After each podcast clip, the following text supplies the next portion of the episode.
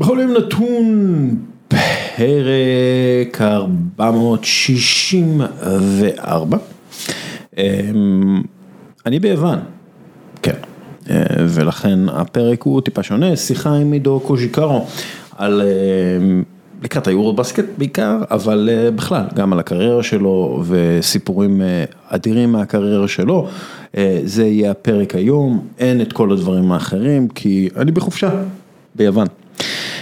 אם אתם שומעים את זה, אני עדיין בחופשה ביוון. אה, אז זהו, אה, זה הפרק שיהיה, ועכשיו עידו קוז'יקרו.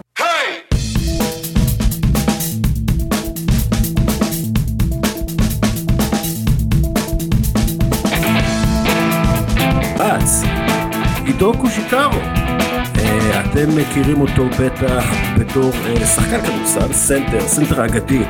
אה, rebounder אגדי, אה, מקום 15 ברשימת שיאני ההופעות בכל הזמנים של ליגת העל, אה, פרש סופית באפריל האחרון ויש לו מלא סיפורים, אז היום הוא יספר סיפורים, מה אהלן עידו? אהלן, מה שלומכם? מה שלומך? שלומי מצוין. איך אתה? אני בסדר, אני פה, אז אני, כיף לי ואני שמח, ואתה יודע, מסקרן, לראות מה, במה אתה הולך להתקיל אותי היום. לא, את, אני לא מתקיל בכלל, אני אפילו לא שואל שאלות, אה, אתה תספר את הסיפורים, כי נתחיל בסיפור שהתחיל את כל זה בעצם, וזה סיפור שלך על התערבות עם ג'יימי ארנולד. אה, התחיל מה? התחיל, את הפודקאסט הזה או שהוא התחיל את ה... כן, בתכלס, אתה יודע, כאילו דיברנו על זה ו... מנסה למקם את עצמי, נכון, מול המצלמה. אה, אז תספר את הסיפור פשוט. או טוב, אז הימים הם ימי תחילת הקריירה בהפועל גליל עליון. אה, המאמן הוא דיוויד בלאט, שדיוויד הוא ככה, אני מקווה שעוד ניתקל בו במהלך השיחה הזאת, אבל דיוויד הוא, מעבר לזה שהוא המאמן, הוא היה סוג של מנטור ואח גדול בשבילי. כמעט סוג של בן משפחה אפילו. ואני כבר ממש מתחיל, מה שנקרא, את צעדיי הראשונים בליגת העל, אה, ממש לקבל דקות. ובתחילת אותה עונה אנחנו נוסעים למחנה אימון, אה, לא מחנה, סליחה, משחק אימון בחיפה, מול מכבי חיפה, ובדרך הזו אנחנו עוצרים במסעדת אה, יונס האגדית, ליד צומת גולני. ומתיישבת כל הקבוצה, ואתה יודע, איך במסעדות אה, מזרחיות ישר זורקים לך את כל הסלטים וטה-טה-טי טה-טה-טה, ושמים מולי צלחת של פלפלים חריפים, פלפל שיפקה חריף חריף חריף, ואני כזה נשען על השולחן כזה אחרי המשחק, ואני פשוט מסתכל על הפלפלים האלה, ואז ג'יימי ארנולד ככה מכמה מטרים אה, משמאלי, הוא רואה אותי ככה בוהה בפלפל, ואומר לי, תקשיב, אם אתה אוכל פלפל אחד כזה, אני נותן לך 50 שקל. אתה יודע, זה, אתה יודע, בשביל, בשביל שחקן צעיר 50 שקל זה עדיין הרבה כסף, בטח, אה, אתה יודע, שזה לא בעיה בשביל מושבניק כמוני, לוקח פלפל, נותן ביס, בולע את הפלפל. אומר לי, אה, לא, לא, לא, לא ידעתי שזה יבוא לך ככה בקלות, אה, בוא נעשה התערבות אחרת. אני אומר לו, מה? עכשיו, ג'יימי צריך לזכור שמעבר לזה שהוא היה שחקן מאוד מאוד מוכשר, הוא היה קצת קמצן, מחושב, מאוד מחושב. ולקחת מג'יימי כסף זה מצווה. לא אומרים קמצן, ולקחת, לגמרי, ולקחת ממישהו כזה כמה שקלים זאת מצווה. ואז, אה, ואז הוא אומר לי, אתה יודע מה? אני נותן לך 300 שקל אם אתה אוכל את כל הפלפלים על השולחן.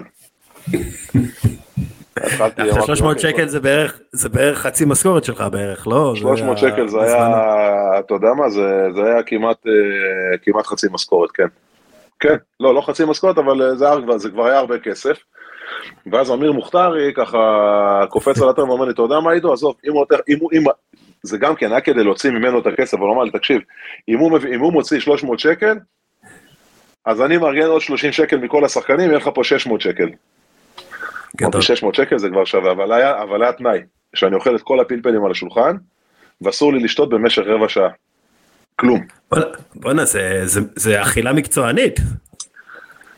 ונעניתי לאתגר לא לפני שדייוויד הזהיר אותי שזה יעשה לי נזק בקיבה, ולא לפני שעמית גל אמר לי שאני פסיכופת, ושאסור לי לעשות את זה. ולקחתי את האתגר הזה, ואני מתחיל לבלוע את הפלפלים, ואני בולע, ואני מרגיש שהפרצוף שלי מתפוצץ. אני, יצאו, יצאו לי טיפות של זעם מכל נקבובית בגוף, ואני מסיים את הצלחת, היו שם איזה 52 או 54 פלפלים. וכולם ככה מעודדים אותי. אחרי עשר דקות, הרי הייתי צריך רבע שעה לא לשתות, אחרי עשר דקות ג'יימי ראה שאני לא, לא, לא, לא מראה סימני שבירה, הוציא את הכסף, נתן לי. חזרתי, היה לי, כל, היה לי את כל הכסף ביד, והמשכנו לאכול. ואני מבסוט על עצמי, ואכלתי, ואכלתי פה, וזה וזה וזה, ובנסיעה חזרה, איך אתה מרגיש? הכל בסדר? יום למחרת אני עושה איזה סיבוב בקריית שמונה עם אמא שלי, ופתאום אני מרגיש את, ה, את, ה, את הארוחה של, של אתמול. ו- and the rest is history, מה שנקרא. עכשיו, הסיפור הוא שאמרת, אה, בזמנו להארץ, חרבנתי גיצים במשך שבוע, אבל זה היה שווה את זה. זה מה שהדליק אה, אותי. אני חושב שבעיתון הארץ הם אה, קצת הגזימו, זה לא היה שבוע, ואם יש משהו כבר במונח אה, חרבון, אז כן, זה היה בפעם הראשונה, אבל כן, זה שר... בוא נגיד שזה שרף ביציאה לא פחות מאשר בכניסה. ההונגרים, אתה יודע, אצלנו ההונגרים אומרים, אוכל טוב שורף פעמיים. אה, כן, לגמרי. לגמרי, לגמרי. היו עוד, בטוח היו עוד התערבויות כאלה. בקריירה שלך. היו, דווקא כאלה לא כל כך, אבל אתה יודע, בכלל, לאורך הקריירה אנשים... אתה עובר כל כך הרבה חוויות, כי אתה מגיע למצבי קיצון בכל כך הרבה סיטואציות, אה, גם מקצועיות, גם אה, לוגיסטיות, אה, באמת, בוא נגיד בסדר גודל של הרבה יותר מהאדם הממוצע. זאת אומרת, גם הפיקים כן. וגם הדאונים הם הרבה יותר, זה קורה לך הרבה יותר, ובדציבלים הרבה יותר חזקים. וזה נכון גם לגבי הדברים האחרים שהם אה, לאו דווקא על המגרש, אתה יודע, לא, לאו דווקא סיפורים מחדר הלבשה, אלא בכלל כל מיני סיפורים של, אה, אתה יודע, שככה אתה חווה במהלך השנים. אבל מה, אתה יודע, כן, כן, כן. הייתה לנו התערבות פעם, נסענו פעם עם, אה, גם כן עם הפועל גליל עליון, נסענו למלון, היה לנו משחק בקפריסין, בלימסול, ואתה יודע, בלובי של המלון, ממש בלובי, בתוך המלון הייתה מין כמו, כמו בריכת, דגים פתוחה כזאת. וגם כן, אמיר מוכתרי ככה ידע תמיד להטריף, הוא הטריף את האיש המשק שלנו, את רון אלבלס האגדי. ואמר לו, רון, אני נותן לך עכשיו 50 דולר, אם אתה, אם, אתה, אם אתה מוציא דג אחד והולך איתו לקבלה. עכשיו רון אלבלס גם כן, אתה יודע, קיבוצניק מהגליל שלא רואה בנו, פשוט תפס דג זהב בגודל של, לא יודע, כזה שאוכלים עושים ממנו גפילטה פיש.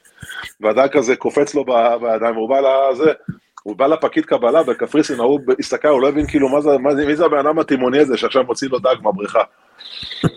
ואתה יודע, והיו עוד מקרים, כל מיני כאלה סיפורים. אבל מה, מה הוא אמר לו? כאילו, מה, היה שם? הוא אמר לו, הנה, עכשיו, אומר לי, עכשיו תביא את ה-50 דולר. עכשיו תביא את ה-50 דולר. אגב, מי, אתה יודע, יש הרבה דפוקים בכדורסל, אבל מי הכי דפוק? אה, לא הייתי משתמש במונח דפוק, יש הרבה אנשים, אה, לא. תשמע, מגיעים לעולם הזה, מגיעים הרבה אנשים, אה, הייתי קורא לזה מיוחדים. דרך אגב, מכל ה... מה שנקרא, מכל הקשת ה, שאתה יכול לתאר לעצמך, מרמת השחקנים, אנשי הנהלה, אתה יודע, אנשי משק, אנשי צוות וכאלה. אה, מי הכי דפוק, וואו, היו, היו, היו כמה, אני לא, לא נעים לי להגיד ככה, אתה יודע. לא, לפחות ספר, אתה יודע, תעשה מדרג של סיפורים, כאילו, כי בטוח, אתה יודע, בטוח היה סיפורים שאתה אומר לעצמך, וואי, בואנה, זה כאילו, זה, זה, עם זה אני הולך לכל החיים. תשמע, אחד, אני יכול לספר לך סיפור דווקא גם כן, דרך אגב, אני חושב שזה אפילו היה באותה נסיעה לקפריסין, שזה הייתה אחת הנסיעות הראשונות שלי בקריירה. כן. ואנחנו נוסעים לקפריסין, עכשיו אתה יודע, אני הייתי רגיל, אתה, בתור שחקן צעיר גם, אני לא, לא חוויתי כל כך הרבה נבחרות בתחילת הדרך, כי לא, לא נחשבתי איזה שחקן גדול ומבטיח. ובטיסות הראשונות שהיו לי, גם בנבחרת עתודה וגם בטיסות הראשונות בגליל, אה, היו נותנים לנו את הכרטיס עלייה למטוס, הכרטיסים של פעם, ואז כרטיס, לפני החזור נותנים את הכרטיסי כרטיסי חזרה. ובאותה נסיעה לקפריסין נתנו לנו את שני הכרטיסים באותו, באותו פנקס. ואני מגיע לקפריסין ועושים את המשחק, ובדרך חזרה אני... אני בא ואני רואה ש... רגע, זרקתי את הכרטיס שקיבלתי בהלוך, זרקתי אותו לפח. ומסתבר שהיה שם גם את הכרטיס חזור. עכשיו, לעמית גל הייתה תכונה כזאת שהדבר שהכי עניין אותו בנסיעות זה השופינג בדיוטי פרי. ואנחנו מגיעים לשם, ואני, אתה יודע, מתחיל ככה, אתה יודע, שאתה עושה לכיסים, אתה מחפש איפה הכרטיס, אולי שמת אותו במקום, אתה לא יודע. ואז אני, שואל אותי איפה הכרטיס, מה, הוא לא בפנקס שקיבלת בהתחלה? אני אומר, לא, אז הוא אומר לי, אז איפה, איפה הוא? אמרתי, זרקתי אותו. אז טוב, אתה צריך לקנות כרטיס חדש, אין לך כרטיס. אז אני בתור, אתה יודע, ילד בן 19, אני בא לעמית גל, אני אומר לו, עמית, תקשיב, אין לי, אין לי כרטיס. עכשיו, עמית כבר עם ה... אתה יודע, כבר כרטס את עצמו, כבר שלח את המזוודה והכל, הוא מסתכל עליי ככה, טוב, תחזור בשחייה, הוא אומר לי. והלך, והלך. אבל בשורה התחתונה, א', קניתי לעצמי כרטיס, שילמתי את הקנס על הנאיביות, על הטמטום, איך שאתה לא רוצה לקרוא לזה, ולמדתי יותר לא לזרוק אף פעם אף כרטיס, אף פיסת נייר שמקבלים בהלוך, עד שאני לא מגיע הביתה, פורק את המזוודות, אני לא פה, אני לא זורק שום דבר. אפילו קבלות של, אה, לא יודע מה, של טקסי. היית צריך עוד אה, לעשות איזה התערבות עם אה, מישהו בשביל להחזיר את הכסף. תשמע, היה לנו פעם מאוד מקרה שגם כן בתקופה של הגליל, שנסענו ל... נסענו למשחק חוץ במונפוליה, קבוצה בצרפת. כן. ועמית, כדי לחסוך כסף של כרטיסים לטיסה, הוא השאיר את uh, שרון ששון, נדמה לי, בארץ. שרון אז היה בתחילת הקריירה. ובעצם נסענו תשעה שחקנים, לא היה לנו אפילו עשירייה לאימון. כן. וכשהגענו לאימון לפני המשחק, אז uh, ארז ביטמן, שהיה עוזר המאמן של דיוויד, נקרא לדגל כדי להשלים עשירייה. ואתה יודע, הם מגיעים לאימון, אה, בסדר, אוקיי, ארז ביטמן יכול קצת לשחק, אתה יודע, לעמוד על המגרש מול איתנו, אבל הוא צריך נעליים. אז הוא פנה להנהלה של, ה, של הקבוצה הצרפתית, והקבוצה הצרפתית בחפץ לב, הביאו לו זוג נעלי נייק אייר מקס לכדורסל, כאילו נעליים הכי יקרות, הכי נחשבות שאז באותה תקופה. ו... ונתנו לארז להתאמן איתם. ואתה יודע, נתנו לו אותם, זאת אומרת, אה, מתנה בעצם. כן. ואנחנו עושים את האימון, ומסיימים את האימון, ומגיעים למשחק, ו... באיזשהו שלב גור שלף, שאז עוד שיחק בגליל, החליט לעשות לעמית גל קטע, עמית, עמית דאג להודיע לכולם שכשארז מסיים את האימון, הוא לוקח את הנעליים, ואיך שנגמר האימון, גור שלף לוקח לעמית גל את הנעליים, ומעלים אותם. ונגמר המשחק, ואנחנו בדרך חזרה, ועמית גל עובר שחקן שחקן, אתה לקחת אותם? אתה לקחת אותם? אתה לקחת אותם? את כולם. אף אחד לא מודה, אף אחד לא זה כלום.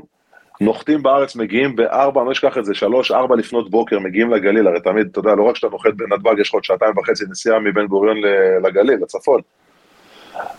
אני נכנס לאוטו שלי בארבע לפנות בוקר, אחרי שכבר עזרתי לרון, לאיש משק, להחזיר את התיקים של הקבוצה לחדר הלבשה והכל.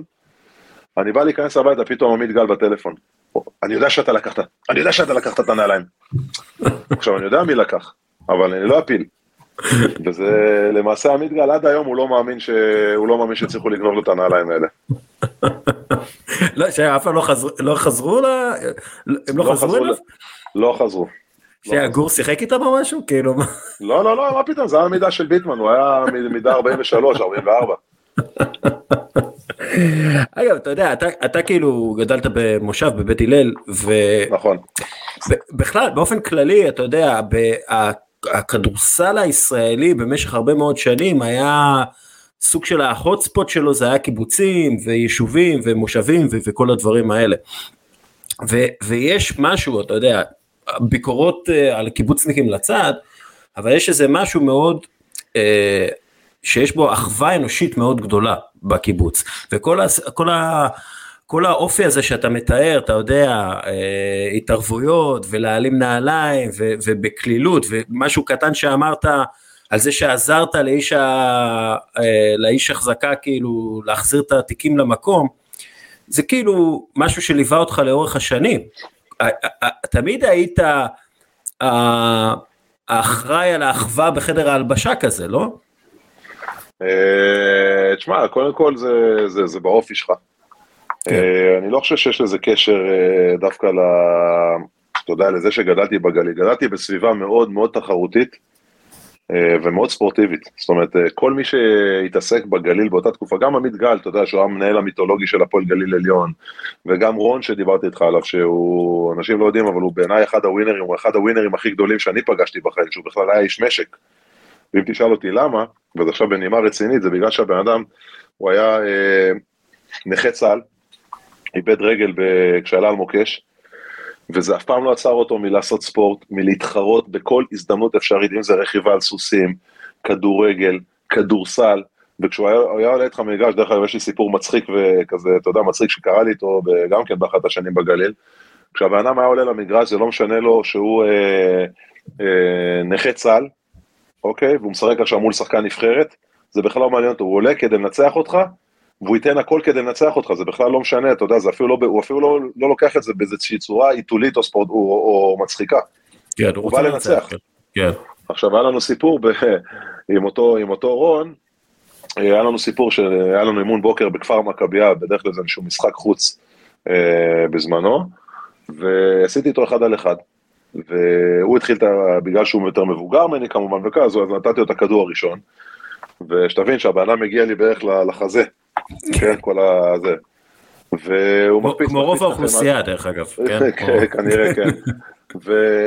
ובאיזשהו שלב הוא, הסתובב כדי כביכול לעבור אותי, והוא נתקע לי בעצם של, המותן, כן. ופתאום הוא נפל ואיבד את ההכרה. עכשיו, אני לא שאני, אני לא נתתי לו איזושהי מכה. אבל הבן אדם איבד את ההכרה. אבל הס- הסיפור הוא מעבר לזה שאתה יודע, הוא חזר, אחרי זה אשפזו אותו קצת, וככה, אתה יודע, הזמינו אמבולנס והכל, כי זה היה די מבהיל. אבל הקטע הוא שהבן אדם עשה את זה כי הוא, כי הוא, הוא לא עשה את זה כדי, בשביל הצחוק, הוא עשה את זה כי הוא רצה לנצח אותי. הוא רצה לנצח אותי. עכשיו לנו באותה תקופה היה, אתה יודע, זה היה מין סוג של שעשוע כזה, לראות איך הוא מגיב שהוא מפסיד, כי הוא כל הפסד הוא היה מפסיד, כאילו הוא עכשיו הפסיד את הגמר צ'מפיונס ליג. כן. אתה מבין? ברמה כזאת. אתה יכול להתקשר אליו היום ולשאול אותו על איזשהו טורניר קיבוצים, שהוא עשה איזה עבירה, ששרקו לו או לא שרקו לו, והוא יתחיל לנהל איתך עכשיו איזה שיחה כאילו, כאילו זה קרה אתמול וזה, וזה גמר לו את החיים. עכשיו זה- אני אגב, מספר את זה, אתה צריך עליהן אנשים סביבך בקריירה. אז אני, עכשיו תשמע, אחד הסיפורים המצחיקים באותה תקופה גם כן, זה היה שבעונה הראשונה שארז אדלשטיין אימן אותנו בגליל, היינו קבוצה מאוד מאוד צעירה, באמת היינו ליאור ארדיטי שהוא היה בן 30, 31, יואב ספר, שהוא היה הישראלי השני הכי מבוגר בקבוצה בן 25, וכל שאר השחקנים, אבישי גורדון, שרון ששון, שמוליק ברנר, איציק אוחנון, אה, וכל אלה היינו ילדים בני 20, 21, 2, ממש קבוצה של ילדים. וסיימנו את העונה הזאת במקום הרביעי, ואז התגלגלנו למקום שלישי, הגענו לחצי גמר מול מכבי תל אביב. מכבי תל אביב הגדולה שהפסידה לקטש בשנייה האחרונה באותה שנה, ב-2000. כן. ואתה יודע, מגיע משחק חוץ ראשון ב- ביד אליהו, אנחנו מפסידים. משחק שני בגליל, אנחנו כמעט מנצחים אותם, בסוף מכבי בזכות כמה שריקות הזויות מנצחים אותנו 2-0, ובעצם אנחנו מתכוננים למשחק השלישי, זה, זה כבר, אתה יודע, זה כבר ברור שאתה הולך לקבל בראש, כאילו אין, אין שום סיכוי שננצח. ארז אדלשטיין במעלה, בהחלטה גאונית החליט לעשות במקום אימון כדורסל, לשחק כדורגל. אוקיי. ומחלקים את הקבוצה לשתי קבוצות, אה, עמית גל משחק במשחק ורון משחק, רון היה שוער כדורגל, ועמית היה חלוץ, ושניהם אחד נגד השני. ובאיזשהו שלב אה, הקבוצה של עמית מובילה, ועמית מתחיל להקנית את רון, ומתחילים ללכת מכות באימון. המנהל קבוצה הולך מכות עם האיש משק, על אמת. והשחקנים עושים פשוט פיפי על הרצפה. פיפי על גדול. הרצפה. גדול. אני חושב שזה אחד, זה אחת הפעמים שאני צחקתי הכי הרבה שצחקתי בחיים שלי.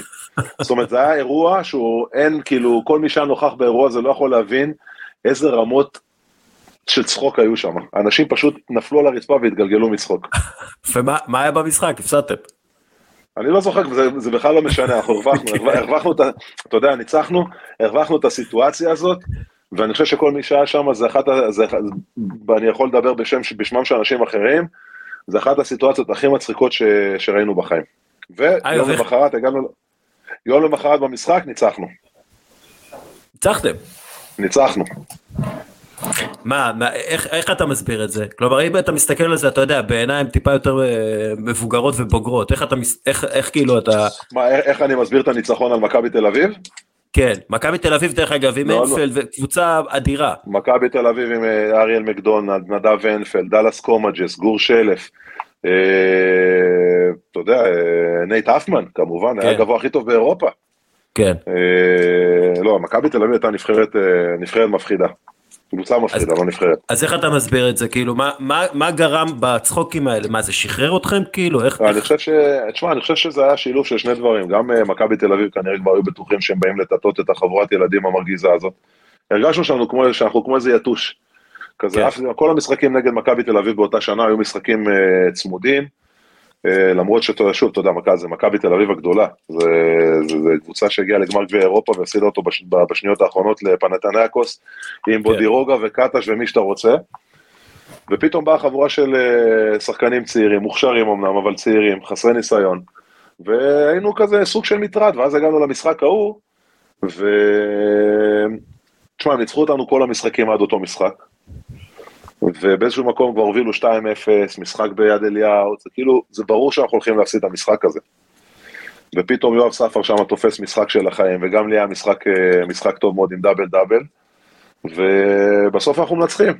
בסוף אנחנו מנצחים. עכשיו, אני חושב שזה נבע גם מזלזול של מכבי תל אביב, וגם איזושהי באמת תחושה שאין לנו כבר מה להפסיד. אתה יודע, אנחנו שתיים, אנחנו מינוס שתיים מול מכבי תל אביב, עשינו את שלנו, עשינו עונה גדולה, רצו שנשאר בליגה, הגענו לחצי גמר פלייאוף. עשינו, באמת הגענו למקסימום, הצלחנו למתוח את מכבי תל אביב. אה, אז, שוב, ואז זה הספיק לנו, ופשוט גנבנו להם ניצחון. אגב, מעניין אותי, איך אתה מגדיר מישהו שהוא חבר טוב לקבוצה? כאילו good teammate. איך, איך אתה, אתה יודע, אתה מסתכל, כי הרבה פעמים מדברים מקצועית, הוא מתאים, לא מתאים, 40% מהשלוש וכאלה, אבל הרבה פעמים אתה צריך פשוט good teammate שיהיה לך, עדיף מאשר קלע טוב. אה, קודם כל, אה, כימיה טובה הופכת כל קבוצה להרבה יותר טובה. כן. אה, מה, מה בעיניי good teammate? good teammate זה שחקן שחושב קודם כל על הקבוצה ולא על עצמו. כן. וזה, בעיניי זה מסוג השחקנים האלה שאתה, אתה יודע, כשאתה עולה איתם למגרש, עזוב, יותר טוב, פחות טוב, 30 אחוז, 40 אחוז, כן קופץ, לא קופץ, אתה יודע שמי שעולה איתך למגרש הולך לתת עכשיו את ה-150-200 אחוז שלו, ולא 90 אחוז. והיו שחקנים די מפורסמים, שאם אני אנקוב בשמם, כולם ידעו מי הם, אני לא יודע כמובן שאני לא אעשה את זה, סופר מוכשרים, שאתה יודע, מסוג, אתה אומר, מסוג השחקנים שוואלה, אני לא, אני לא, לא, לא בא לי לצאת איתם למלחמה. ולמה זה, כאילו? כאילו למה, כאילו כי... מה הם, הם, הם לא נותנים חסימה כמו שצריך, הם לא רצים להגנה חזרה, כאילו מה, מה מגדיר אותם, אתה יודע, כנותנים 50 אחוז? כי מה מגדיר אותם זה אה, הרבה פעמים שחקנים שמפחדים ממגע. ממגע כן. פיזי, כדורסל זה משחק מאוד פיזי. אה, שחקנים שכל פציעה קטנה ישר יושבים בצד ומתחילים לרחם על עצמם, אה, אתה יודע, ובעצם אה, מחלישים אותך כקבוצה, כי אתה יודע, כל פציעה, כל מישהו קצת שברירי. עכשיו, זה משהו שהוא מאוד סובייקטיבי. אתה יודע, כל אחד מקבל את הכאב בצורה אחרת, אבל ראיתי שחקנים, ואני יכול, אתה יודע, אני לא רוצה גם להעיד על, על עצמי, אבל ראיתי שחקנים שמשחקים עם פציעות, אה, דוגמה, אתה יודע, בוא ניתן דוגמה מה- NBA שאתה כל כך אוהב, אה, זה, אתה יודע, קובי בריינט שיחק עם אצבע שבורה. כן. אה, שחקנים שיחקו עם, עם פציעות, מייקל ג'ורדן אני, גם, עלה... אני גם זוכר, שוב, אני אגיד את זה, אני זוכר אותך עם פציעות כאילו, פציעות משחק. ונלחם על ריבאונד וכולי. אני שיחקתי עם שתי צלעות שבורות. כן. בדוד, זאת אומרת ודאי, עכשיו שוב, אתה יודע, לקח, אומנם הייתי על משככי כאבים של פעילים, כן. אבל עליתי לשחק, זאת אומרת, לא לקחתי את הפציעה הזאת לאיזושהי סיטואציה של, אה, טוב, אז אני, אז אני אוותר על המשחק הזה עכשיו. אין, מבחינתי לוותר על משחק זה, זה, זה קודש הקודשים, זה, אין דברים כאלה. אה, בהפועל ירושלים שיחקתי תקופה ארוכה עם, אה, עם שבר ברגל, שבר מעמד שהתפתח להיות שבר, כי אמרתי כל הזמן שכואב, כואב, כואב, אבל אני צריך להילחם בכאב. זאת אומרת, הכאב הוא, הוא זמני והתהילה היא, אתה יודע, כל המשפטים המפוצצים האלה. עד שעשיתי בדיקה, ואז רץ אליי אחד המומחים העולמיים, שהוא רופא מירושלים, ואמר לי, תקשיב, אתה מחר הולך לשים, שתבין שאני תפקד, שיחקתי, אומנם לא הייתי במיטבים מן הסתם, כי הייתי פצוע והיה לי כאבים, אבל שיחקתי, עליתי על המגרש, ופתאום תוך יומיים אני מגיע לאותו רופא, אותו פרופסור, הוא אומר, תקשיב, אתה מחר הולך להיכנס לגבס לשלושה חודשים. אז אני אומר לו, למה? הוא אומר, כי בדקתי ב-CT ויש לך עצם שבורה, אתה שיחקת עכשיו חודש וחצי עם עצם שבורה לחלוטין. ועצם שמורה לצאת.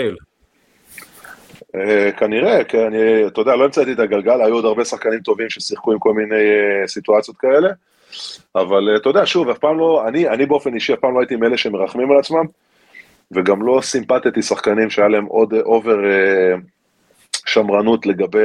אתה יודע, בסוף זה המקצוע שלנו, זה הגורל שלנו, אנחנו צריכים לבוא לתת את, ה, את הכי טוב שאנחנו יכולים, כל, כל זמן שאנחנו יכולים. אגב, מי היה ה teammate הכי טוב שלך? תשמע, שאלה מצוינת שאלת. דרך אגב, אני מאוד אוהב את, השאל, את השלב השאלות, אחרי הסיפורים המצחיקים, כי זה שאלות אה, שאתה יודע. תשמע, אני עדיין, אני כן. עדיין מצפה לסיפורים, כן? לא, לא שאלות של איך הגעת עד הלום, אני יכול להגיד לך שאני לא יכול להצביע מישהו אחד. אתה יודע, היו לי הרבה, היו לי הרבה חברים תן חמישייה מדהימים שאתה. תמיד תרצה לשחק איתם. אה, אה, אתה יודע מה, אני רוצה לקחת את השאלה שלך לכיוון אחר, אם, אם אוקיי. מורשה לי. אני חושב שבתחילת, בעיקר בתחילת הקריירה, אחר כך אני בעצם תפסתי את המקום ש, שלהם, ואולי אני היום בעיני מישהו אחר, מה שהם היו בשבילי. אבל uh, היה לי את המזל הגדול מאוד מאוד מאוד, דווקא בשנים הראשונות שלי בליגת uh, לשחק עם uh, שחקנים שהיו לי מנטורים, היו לי מודלים, מודלים uh, לחיקוי ברמה הכי גבוהה שיכולה להיות, ואתה יודע, זה מתחיל, ב, זה מתחיל בדיוויד. דיוויד מלווה אותי מגיל 11, כשהוא עוד היה שחקן בהפועל גליל עליון. הוא גר אצל ההורים שלי בבית ובעצם הפך להיות בן משפחה. אחר כך הוא גם נהיה מאמן שלי ועברנו הרבה עליות וירידות, אבל דיוויד בעיניי הוא המופת, מופת להתנהלות של מקצוענות, של דרישה אישית מעצמך. אה, לתת את הכי טוב שאתה יכול בכל רגע נתון ולא לרחם על עצמך ולא לחכות שאף אחד יעשה משהו בשבילך. ומה שנקרא, הוא לימד, דיוויד לימד אותי את זה בדרך הקשה. ואחרי דיוויד, אתה יודע, אז אני יכול לתת לך את ארז חזן, שארז חזן גם כן היה שחקן עם פאסון, אתה יודע, אישיות, גם על המגרש וגם מחוץ למגרש, הוא לימד אותי, אתה יודע, לעמוד על שלי בתור שחקן, לא לתת לאף אחד לדרוך עליי או, או להקטין אותי או משהו כזה. כי אתה יודע, אתה בתור שחקן שאתה עולה לבוגרים, תמיד יש את השחקנים היותר מבוגרים, שמטבע הדברים לפעמים מנסים ככה, אה, אתה יודע, להקטין אותך או לגרום, מי אתה בכלל וכאלה. ודווקא ארז, שהוא היה הכי מבוגר, הוא היה דווקא זה שדחף אותי קדימה ואמר לי, תקשיב, אל תיתן לאף אחד לרדת עליך. אף אחד לא, אף אחד לא ירד עליך ואף אחד לא ישים לך מקלות בגלגלים ולא זה, ומי שיעשה את זה, ת- פשוט תיכנס בו במילים אחרות. וזה קרה. שחקן, שחקן מאוד ותיק בזמנו, אני- כאילו הוא היה כבר בעונה ה-20 שלו בערך כשהוא, היה איתך, לא? אה, משהו כזה, כן, כן. כן. ואז אז יש לנו את, אה, אז, אז יש לנו את אה, ארז חזן בתור שחקן, ואז הגיע אנדרו קנדי. עכשיו תשמע, אנדרו קנדי, אה, גם איתו יש לי איזשהו סיפור, מעבר לזה שהוא היה הקפטן שלי בגליל, אה, גם אותו ההורים שלי סוג של אימצו, והיה אוכל אצלנו ארוחות אה, שבת וארוחות צהריים מדי פעם וכן הלאה. אבל אני יכול להגיד לך שבפרספקטיבה, אה, של, שחוויתי המון המון שחקנים זרים הייתי בקבוצות ששיחקתי בהם, אני חושב שאנדרו קנדי הוא אולי הקלאסה, אבל האם אימא של הקלאסה ברמת ההתנהלות והמנהיגות והמקצועניות ש, ש, ש, שהוא הביא. והוא לימד אותם. מה הדברים- אותו כאילו? מה- מה מה הפך אותו לכזה? קודם כל, אנדרו קנדי, מה הפך אותו? אני חושב שהדבר הראשון שאני יכול, אתה יודע, להצביע עליו ככה בשלוף, זה הכבוד, הכבוד למשחק. הכבוד למשחק. ובעקבות הכבוד למשחק, אתה יודע, הוא הביא איתו איזושהי התנהלות כזאת אצילית. אתה יודע, מגיע לאימון, מסודר, הכל אצלו כזה בפדנטיות כזאת, אתה יודע, מתלבש תמיד, אתה יודע, לא מתלבש שכונה, אתה יודע, תמיד מתלבש עם ה... לא מופלץ מדי, אבל אתה יודע, מתלבש בצורה כזאת שמכבדת מאוד את המעמד. כן. אף פעם אתה לא תראה אותו אה, בא לך עם, אה, לא יודע מה, עם אה, חולצה קרועה, או חולצה מקומטת, או איזה ג'ינס שהוא לא זה, תמיד הכל נראה כאילו עכשיו יצא מאיזה, מאיזה חוברת. וגם ברמת המנהיגות, אתה יודע, אנדרו היה לו say ב- באימונים, אתה יודע, גם מול דיוויד, ואתה יודע, זאת אומרת, כשהיה איזה משהו שהוא לא, אה, לא, לא, לא, לא מובן לו, או לא מקובל עליו, אז זה אף פעם לא הגיע בצורה של צרחות, תמיד הוא היה יוצר את האמון, ומסביר, אתה מרגיש כאילו, כאילו איזה מורה מסביר לתלמידים עכשיו איך לעשות את הדברים. כן. אז אה, אנדרו בקטע הזה היה מדהים, וגם איך שהוא התייחס, אתה יודע, גם שוב, אתה יודע, בתור שחקן ותיק, הוא התייחס אלינו הצעירים כמו אבא. כן. והבא בתור אחריו זה ליאור ארדיטי, שמבחינתי ליאור ארדיטי. אולי כשחקן אולי הוא השפיע עליי הכי הרבה. כי ליאור ארדיטי גם היה שחקן שאני הרצתי בתור ילד, ואז היה לי את הכבוד לשחק איתו, והמנהיגות שהייתה לליאור וה- עם החן שיש לו, פשוט, אה, אתה יודע, הסתכלתי עליו ואמרתי, כזה, כזה, כזה אני רוצה, כזה אני שואף להיות, אני רוצה להיות, אני רוצה להיות מנהיג בקבוצה כמוהו. הוא- הוא גם- לוקח- תאשר לי איזה משהו, אומרים שהוא היסטרי, שהוא פשוט בן אדם מצחיק בטירוף. עכשיו אני מכיר אותו, אתה יודע, מאוד שטחי, אבל זה, זה נכון? קודם כל ליאור בן אדם מצחיק, אני לא חושב ש... אבל ההומור שלו זה לא הדבר, אני חושב שאתה יודע, אם תשאל אותי מה הדבר, שאולי זה גם יגרום לך להבין למה אני מתחבר אליו אחר, אם תשאל אותי מה בעיניי התכונה הכי מדהימה אצל ליאור, אני חושב שזה הלב. הלב כן. של השחקן הזה, ואתה יודע מה, ואם דיברנו על שחקנים פצועים שעלו לשחק, ליאור היה עולה לשחק גם עם שתי רגליים שבורות. כן. הכמות של האהבה והנתינה שהייתה לו לשחקנים מצד אחד, ומצד שני הדרישה שלו מכל השחקנים, אתה יודע, ממי שהיה צריך לדרוש, לתת את המקסימום ולעשות את הכי טוב שאתה יכול, השילוב הזה בין הטוב לב והחינניות הזאת, מצד אחד, מצד שני המקצועניות והדרישה הזאת תמיד לתת את הכי טוב שאתה יכול, אני חושב שבזה ליאור כאילו באמת השפיע עליי יותר מכולם, כי אמרתי, כזה אני רוצה להיות. כזה. אני רוצה להיות. זה נתן לי את הטיפ הזה שעשיתי והצלחתי, וזה נתן לי את הטיפ הזה שעשיתי והצלחתי. ליאור, הוא בעצם היה באמת הפסל החירות מבחינתי, ברמת ההתנהלות בתוך קבוצה. ויש עוד שני שחקנים, אתה יודע, מה זה, מה? כן, כן. מי השחקנים הנוסף? יש את תיאו צ'יזמיץ', אני לא יודע אם אתה זוכר אותו, שחקן קרואטי, שפעם חשבו שהוא הולך להיות הטוני קוקוץ' הבא, בסוף איכשהו הוא התגלגל לארץ, הוא בעצם היה הבוסמן הראשון שאני שיחקתי איתו בגליל עליון ב-98-9, שהוא חבר בן משפחה שלי עד היום, אנחנו בקשר מאוד מאוד טוב, אז אחד קרואטי, ומי שסוגר את הרשימה ברמת האייקונים שלי זה איוון קרסיץ', גם כן שחקן אה, סרבי, ששיחק כן. איתי עונה בגליל, באותה עונה עם ליאור דרך אגב, שאם דיברנו על שחקנים שאולי הם לא היו הכי מוכשרים, אבל לפחות ידעת שהם עולים למגרש, הם הולכים להתאבד על הפרקט, אז איוון היה אחד כזה, וגם כן עוד שחקן שחיבר את הקבוצה, תמיד ב good vibe, אתה יודע, תמיד מעלה את המצב רוח, גם ברגעים הכי קשים. חוויה, באמת, אני חושב שאתה יודע, הם היו, הם המודלים שלי לחיקוי, ובאמת, אני חושב שכל אחד מהם השפיע עליי בצורה כזאת או אחרת. ודרך אגב, מקצועית, הם, מקצועית הם לא השחקנים הכי טובים ששיחקתי איתם. כן. אתה יודע מה, אני, אם אנחנו כבר מדברים על זה, אתה יודע מה, אתה היית בקבוצות מאוד מאוד מוצלחות, אה, גם הפועל ירושלים שזוכה ביולב, גם הפועל גליל עליון ש, שהייתה אה, מצוינת ביחס לתקציב שלה, מה, אתה יודע, מה המרכיבים האנושיים שצריך בקבוצות כאלה? כי למשל, אתה יודע, שכולם חברים וכאלה, זה, זה, זה, זה, זה מובן, אבל למה כולם חברים ככה? מה, מה מרכיב את ה...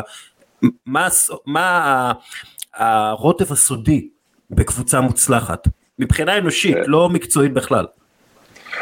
אני חושב שמבחינה אנושית, אם אתה כבר מעלה את הנקודה, אז אני חושב שהמילה הראשונה שקופצת לי בראש זה היררכיה. Okay. אוקיי. ברגע שיש היררכיה בקבוצה, וכל שחקן יודע את המקום שלו, ויודעים להכיל את, ה... את השחקנים מהראשון עד לאחרון, אז, אז הכל הרבה יותר ברור, והכל מתנהל הרבה יותר על מי מנוחות. שיש שחקנים שכל אחד נלחם על ה... מי, מי השורד האחרון לצורך העניין. כן.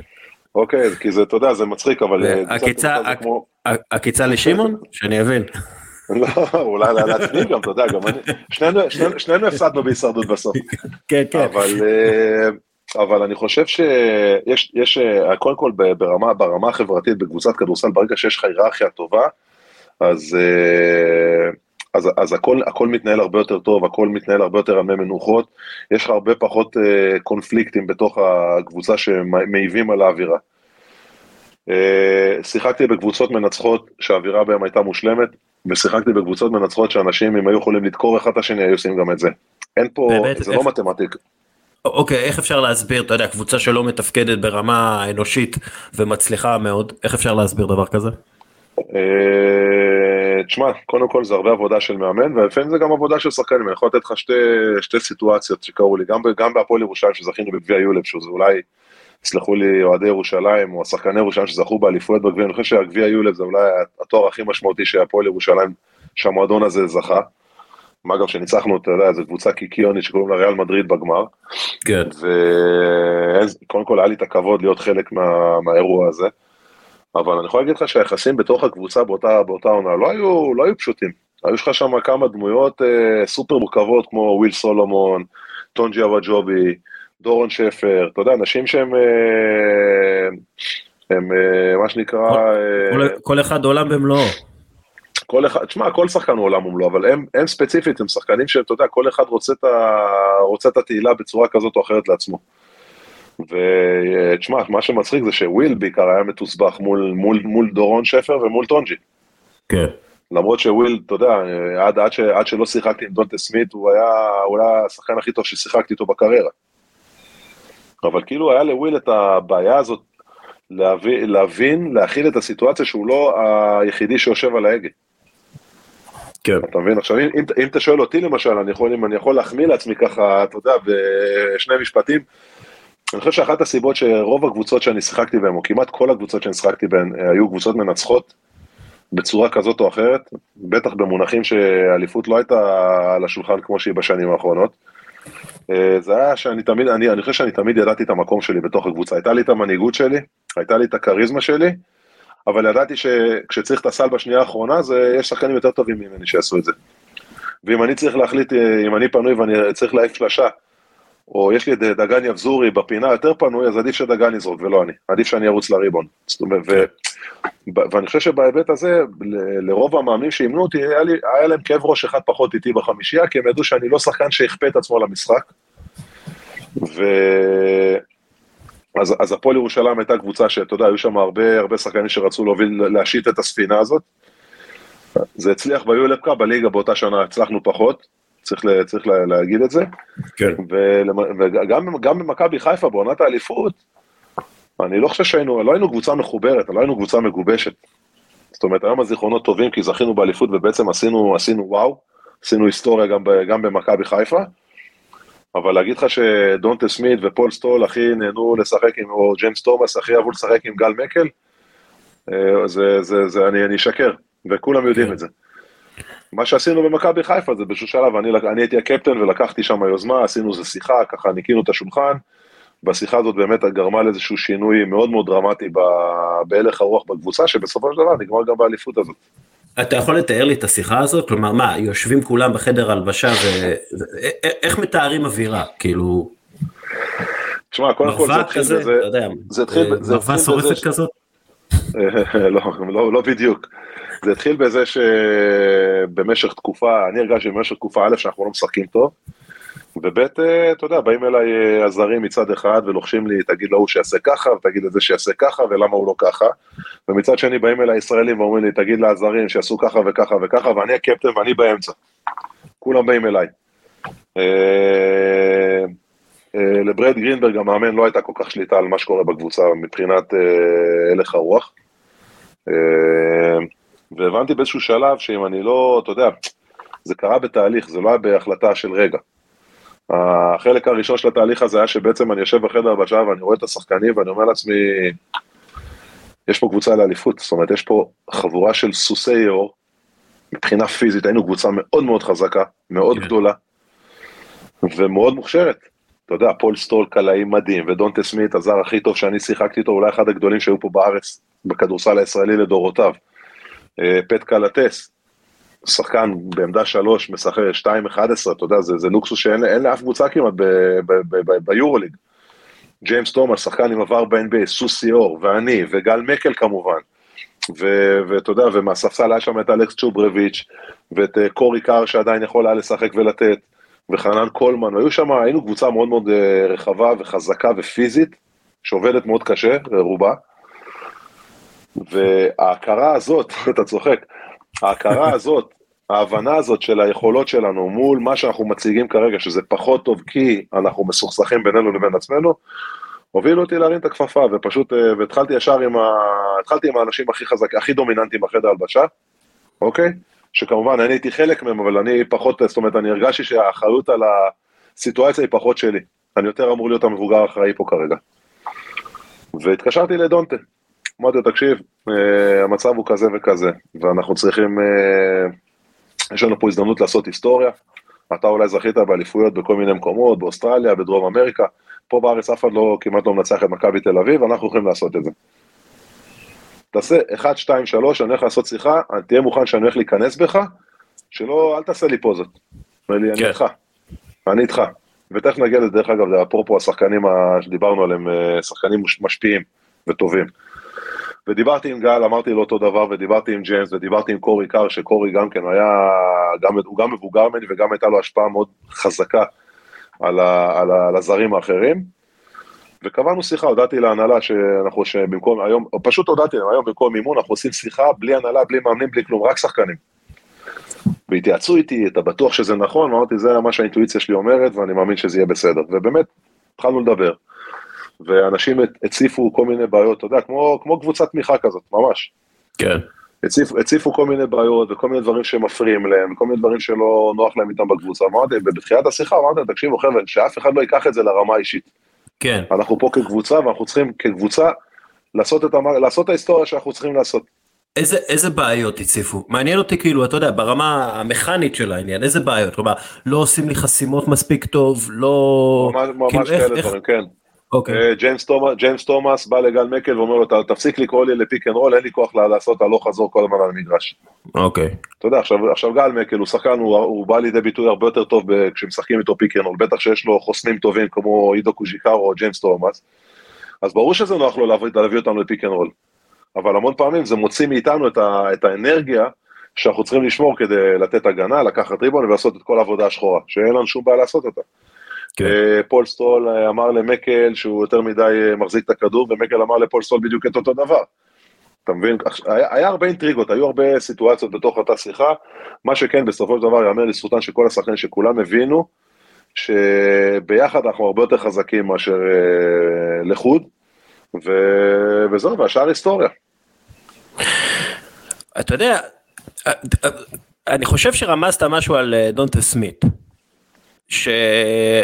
את- קודם כל אתה חושב שהוא הזר הכי טוב שהיה פה, אבל מה באישיות שלו הפך אותו באמת ל... לטוב באמת? אני חושב שדונטה סמית, אני אספר לך סיפור שהיה לי, הנה עוד סיפור מאחורי הקלעים, אנשים שמכירים אותי מקרוב ככה כבר שמעו אותו. אה, הסיפור שלי גם עם דונטה סמית הוא די מורכב, זאת אומרת, אני הגעתי לאימונים באותה עונה, אה, קצת באיחור כי הייתי עם הנבחרת. וכשהגעתי לאימונים הראשונים במכבי חיפה, אני מסתכל על דונטה מתאמן, ואני אני אומר לאחד השחקנים, תקשיב, הביאו פה זר שפג תוקף, הוא מקולקל. הוא בקושי רץ על המגרש, הולך, מדבר כל היום וזה. ה image הראשוני שלי ממנו היה שלילי מאוד. אמרתי, אוי ואבוי, איך נפלנו פה. ושבוע אחרי שאני התחלתי את האימונים עם מכבי חיפה, התחיל טורניר ווינר, עשו טורניר ווינר בחיפה, חנכו את רוממה המחודש, המשופץ. במשחק הראשון, אתה, אני באופן אישי נתתי משחק מצוין, ואז הגענו לחצי הגמר נגד מכבי תל אביב, ובאותו משחק לא יכלתי לקפוץ מעל נייר עיתון. לא יכולתי לזוז, הרגשתי כאילו נגמרה לי הסוללה. ובאחד הפוזיישנים אה, פט קלטס חודר לסל, מוריד לי איזה כדור, אני מחטיא layup, ואני שומע דונטה סמית אומר לפט, אל תמסור לו יותר, הוא לא יכול לעשות סל. עכשיו, כזה דבר לא אומרים. לא כן. לי ולא עליי. נגמר המשחק, מכבי ניצחו אותנו, יורדים לחדר הלבשה, ברד גרינברג מדבר, היינו ככה והיינו ככה, ואז אני אומר לו, ואני הקפטן של הקבוצה.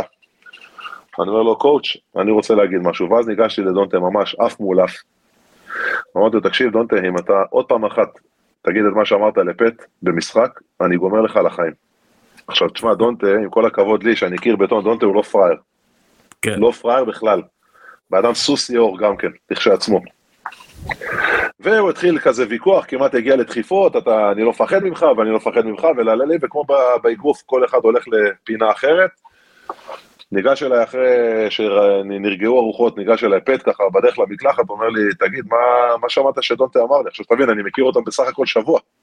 כן. אומר לי, קפטן, קפטן, cap, what you heard that דונטה told me. אמרתי לו, אתה זוכר שחדרת לסל ולעללי וזה? הוא אומר לי, כן, הוא לא אמר לך לא למסור לי, הוא אומר לי, לא. עכשיו, אתה יודע, אתה, זה אולי מצחיק, כי יצאתי טונה, כן. אבל קרו פה שני דברים. א', אני ב image הראשוני שלי היה מאוד שלילי על דונטה, וישר שדונטה אמר משהו לפט, הרגשתי שזה היה משהו שלילי עליי.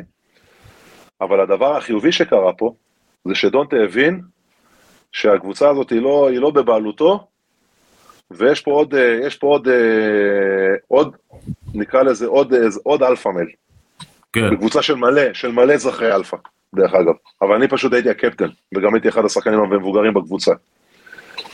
ואני חושב שבעצם האקט הזה, בעצם זה הגדיר את כל השנתיים של דונטה מכבי חיפה. דונטה באותו רגע פשוט כיבד אותי. ועד היום אנחנו חברים. עכשיו, כשאני שומע אנשים בקבוצות, אגב, מה הוא פה כן אמר? הוא לא אמר כלום, אני לא זוכר, לא, לא, הוא, לא, הוא לא אמר אה, לא למסור לי, ולימים הבנתי שדונטה, לא רק שהוא לא אמר, דונטה יכול, גם הייתי מחטיא עשר זריקות רצוף, הוא היה רואה אותי לבד, הוא עדיין היה מוסר לי, כי אחת הגדולות שלו כשחקן, זה שהוא פשוט הבין את המשחק, והוא הבין שלא, כן. זה עצם זה שהוא יכול לעשות סל כמעט מתי שהוא רוצה, זה לא אומר ששחקנים אחרים לא צריכים להיות מעורבים. כן. הוא בעיניי אולי המו- המוח כדורסל הכי מבריק שאני פגשתי. הוא גאון כדורסל, שילוב של יכולות עם, עם, ח- עם, עם אה, אתה יודע, הוא חיית משחק. דונטה יכול לא להתאמן, ברגע שהכדור קופץ על המגרש, הוא נהיה כמו הענק הירוק. כן. וזה הגדולה מה שלו. הוא עושה עכשיו? הוא עדיין משחק. אה, כן? מה, באיזה עדיין סין או. משהו? זה פורטו ריקו. אמ, טוב, אנחנו צריכים לסיים, אבל כאילו, משהו על. נבחרת ישראל. אה, כן, האמת היא, בוא נדבר על הנבחרת. בוא נדבר על נבחרת ישראל. אה, היית בכמה אליפויות אירופה, אה, שש אליפויות אירופה. וגם אה, הגעתם מקום שביעי פעם, זה נראה לי השיא, ובאמת, אני- אני זוכר נבחרת ישראל, כשנבחרת ישראל טובה, זה נבחרת ישראל שמבינה שאין לה את השחקנים הכי טובים על המגרש, ואף פעם לא היו לה את השחקנים הכי טובים על המגרש, אבל כל אחד, אתה יודע, כל אחד מתחבר ל, ל, ללוחם הפנימי שלו, ו, ויוצא מאזור הנוחות שלו, ולא רואה את עצמו ככוכב, ושוכח מזה שהוא כוכב בבית, ופשוט נותנים בראש, נלחמים יותר טוב מכל קבוצה אחרת. זה, אלו הנבחרות ישראל הכי טובות שיש. אתה, אתה מסכים איתי? אתה חושב שזה כאילו ה... לגמרי, לגמרי. אני אספר לך סיפור, תשמע, אני, שתי אליפות אירופה הראשונות ש, שאני השתתפתי בהן מתוך שש, הייתה אליפות ב-2001, שבעצם אה, כל ההכנה, כל השלבי, שלבי ההעפלה לאליפות הזאת, היה לנו את דורון שפר ועודד קטש ותומר שטיינאוור ונדב הנפלד וגור שלף. ואנחנו נוסעים פתאום לאליפות אירופה ב-2001, גור שלף פצוע, טל בורשטיין צעיר מוכשר פצוע, אני בכלל לא הייתי אמור להיות בסגל באליפות הזאת, הגעתי רק בגלל שטל וגור נפצעו, אז לקחו אותי ואת אפיק, אפיק ניסים, האגדי. ובעצם אנחנו מגיעים לאליפות הזאת בלי כל החמישייה, ש... החמישייה, אבל זה חמישייה של סופרסטארים. זה עודד כן. קטש. זה כאילו, אתה יודע, זה דורון שפר, זה שחקנים שהם בשנות ה-90.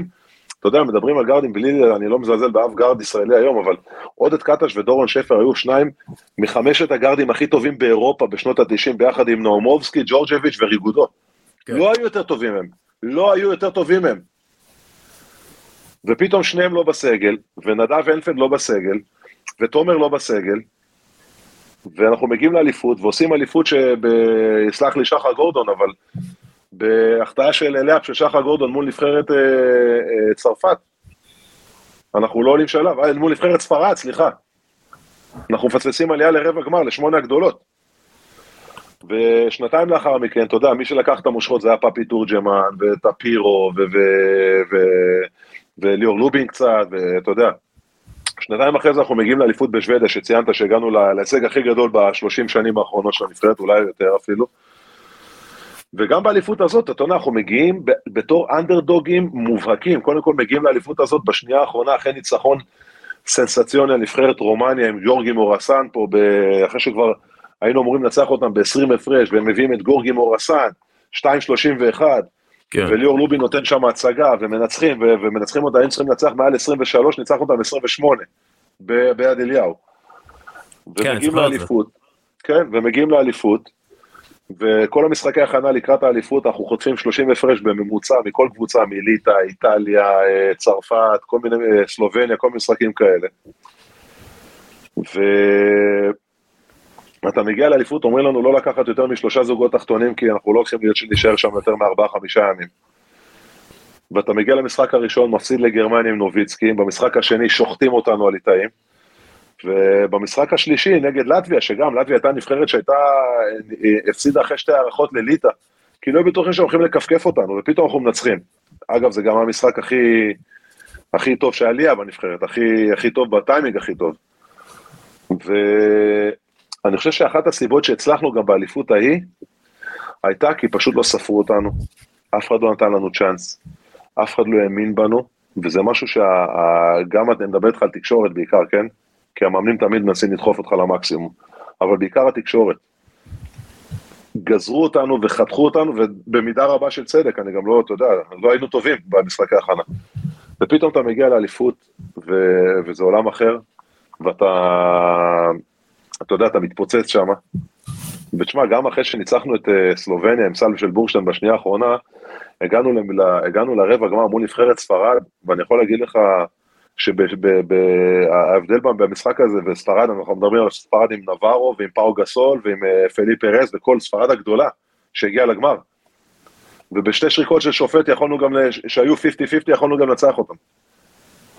כשאני כבר מגיע עם פציעה עם, עם קרעים בכל, שיר, בכל השירים בגוף שלי, ואנחנו כבר, אתה יודע, כמו במערכון הזה בסרט לול, שבגמר גביע שהם עולים עם כיסאות גלגלים ועל אלונקות, הרגשנו שאנחנו פשוט מפורקים, אבל עדיין התמודדנו מול נבחרות הכי חזקות, לא רק באירופה, גם בעולם. תוציא את נבחרת ארה"ב, ארגנטינה, אתה יודע, אני, הכדורסל האירופאי זה הנבחרות הכי חזקות בעולם, זה, זה, זה סרביה, זה יוון, זה, זה, זה צרפת, ליטא כמובן, ואני חושב שבאמת, הדברים שציינת, בדיוק דווקא מהמקום הזה של המחסור בסופרסטאר שהוא מעל, אתה יודע, וזה גם מה שחיבר אותנו, זה גם יצר אצלנו איזשהו, איזשהו חיבור בתוך הנבחרת, כי לא היה אף שחקן, בדיעבד אני יכול להגיד לך שטפירו היה הרבה יותר מאיתנו. כן. אבל לא היה, לא היה אף שחקן שהוא היה כאילו, אתה יודע, לא, לא היה עוד את איזה, לא היה דני אבדיה כזה בנבחרת. אבל כאילו, אתה אומר, מצד אחד צריך את ההיררכיה, ומצד שני, הקבוצת אחים ביחד זה הדבר הכי טוב שהייתה בנבחרת ישראל. כלומר, או שהיה היררכיה בתוך האחים האלה, איך זה עבד בדיוק? לא, הייתה היררכיה, ידענו שטפירו הוא בעל הבית. כן. ויסלח לי, לי קצורין ו- וצביקה וכל השאר, אבל טפירו היה בעל הבית. ואנחנו כשחקנים פשוט, אה, אתה יודע, רקדנו, רקדנו, רקדנו על פי מה שטפירו ניגן לנו, וזה עבד. טפירו קלה מכל מקום במגרש, באימונים גם כן, נכון? זה היה משהו... אני, אני, אני, אני חושב שטפירו בעיניי זה אחד האנדררטדים הגדולים, אתה יודע, כל הכבוד שעשו לו בשנים האחרונות, שחקן העשור ובנבחרת ה... אני חושב שמאיר טפירו היה שחקן לא בהרבה פחות טוב, אם בכלל, מקטש ושפר. טפירו כן, אה? בשנים הטובות שלו בנבחרת הסתכל לגארדים הכי טובים באירופה בלבן של העיניים ותקע אותם. בלי פחד, ובלי פחד, פחד ואמונה מוחלטת ביכולות שלו. בלי כאילו פחד, משהו... אמונה, אמונה מוחלטת ביכולות שלו, ואמונה מוצדקת, שמע, היו לו יכולות, הוא היה guard גדול, קליעה שאתה לא יכול לעצור, אה, משחק low post, fade away, pick and roll מצוין, אתה יודע, היה לו בעצם את הכל, אבל אתה יודע, בגלל שהוא היה, הוא תמיד חסה קצת בצילם של ה... אתה יודע, של קטש ושפר, כן. שאתה יודע, גם, גם בגלל שהם שיחקו, אתה יודע, ביורוליג וזה, אז קצת, אתה יודע, כאילו הסתכלו על טפירו בתור איזשהו second best, אבל טפירו הוא פנומן, פנומן, כן. שמאוד חסר לנו שחקנים כאלה בכדורסל, אתה יודע מה, אולי עכשיו ים הדר זה משהו בסגנון. כן, אה, פחות, אה, אתה יודע, פיזי, אבל אה, כן. נכון, אבל אתה יודע, פיזיות זה משהו שאפשר לשפר. כן, טוב, נפרדת עם, נפרדת מהמשחק עם שיר של שלמה ארצי. אה, כן. אבל אתה יודע, אני, וזה ממש לא מזמן, לפני ארבעה חודשים. אה, איך, איך, איך, איך אתה מרגיש? אתה יודע, איך אתה מרגיש בלי הכדורסל, בלי החדר הלבשה? אה, פיזית, פיזית או מנטלית, אתה יודע, צריך לחלק את השאלה הזאת. כי... גם וגם. פיזית אני מרגיש, אני מרגיש מצד אחד על הפנים, הגוף שלי שבור, מרוסק. כן. איך אשתי אומרת, זה רק נראה טוב. אה, מנטלית אני, תשמע, אני קודם כל אני סופר גאה, כי באמת אה, אה, לקחתי את המשחק שלי באמת עד, עד הטיפות הלימון האחרונות. אה, אני סופר גאה בדרך שעשיתי, ואני, אתה יודע, אני אמנם לא, לא הולך לשחק יותר כדורסל, אבל אני עכשיו אני הולך להיות מנהל מקצועי, יועץ מקצועי במגדל העמק בליגה ארצית, בקבוצה שגם שיחקתי בה, ועלינו את הליגה לפני שנתיים בסך הכל, מארצית ללאומית. וגיליתי כדורסל אחר, כדורסל ישראלי טהור בליגות הנמוכות, בליגה ארצית, כן. שזה ליגה מדהימה ותחרותית בטירוף, ועליתי שלוש פעמים ליגה בחמש שנים. ואני סופר גאה, אני סופר גאה, ואני, אתה יודע, אני אסתכל על הכדורסל בצורה אחרת, אני, אני, אני היום יודע, כאילו, אתה יודע, שעשיתי את כל מה שיכולתי, עד כמה שיכולתי, ואין לי מה לתת יותר. ואני חושב שזאת התחושה הכי טובה של ספורטאי, אתה יודע, תחושה של מיצוי, והיא באה לי ב, ב, ב, ממקום מאוד מאוד נכון ובריא, זאת אומרת, לא הרגשתי שכשזכיתי בגבי אירופה מיציתי, מיציתי, מבחינתי המיצוי זה ברגע שאני מבין שאני לא יכול להיות מי שאני רוצה להיות יותר. כן.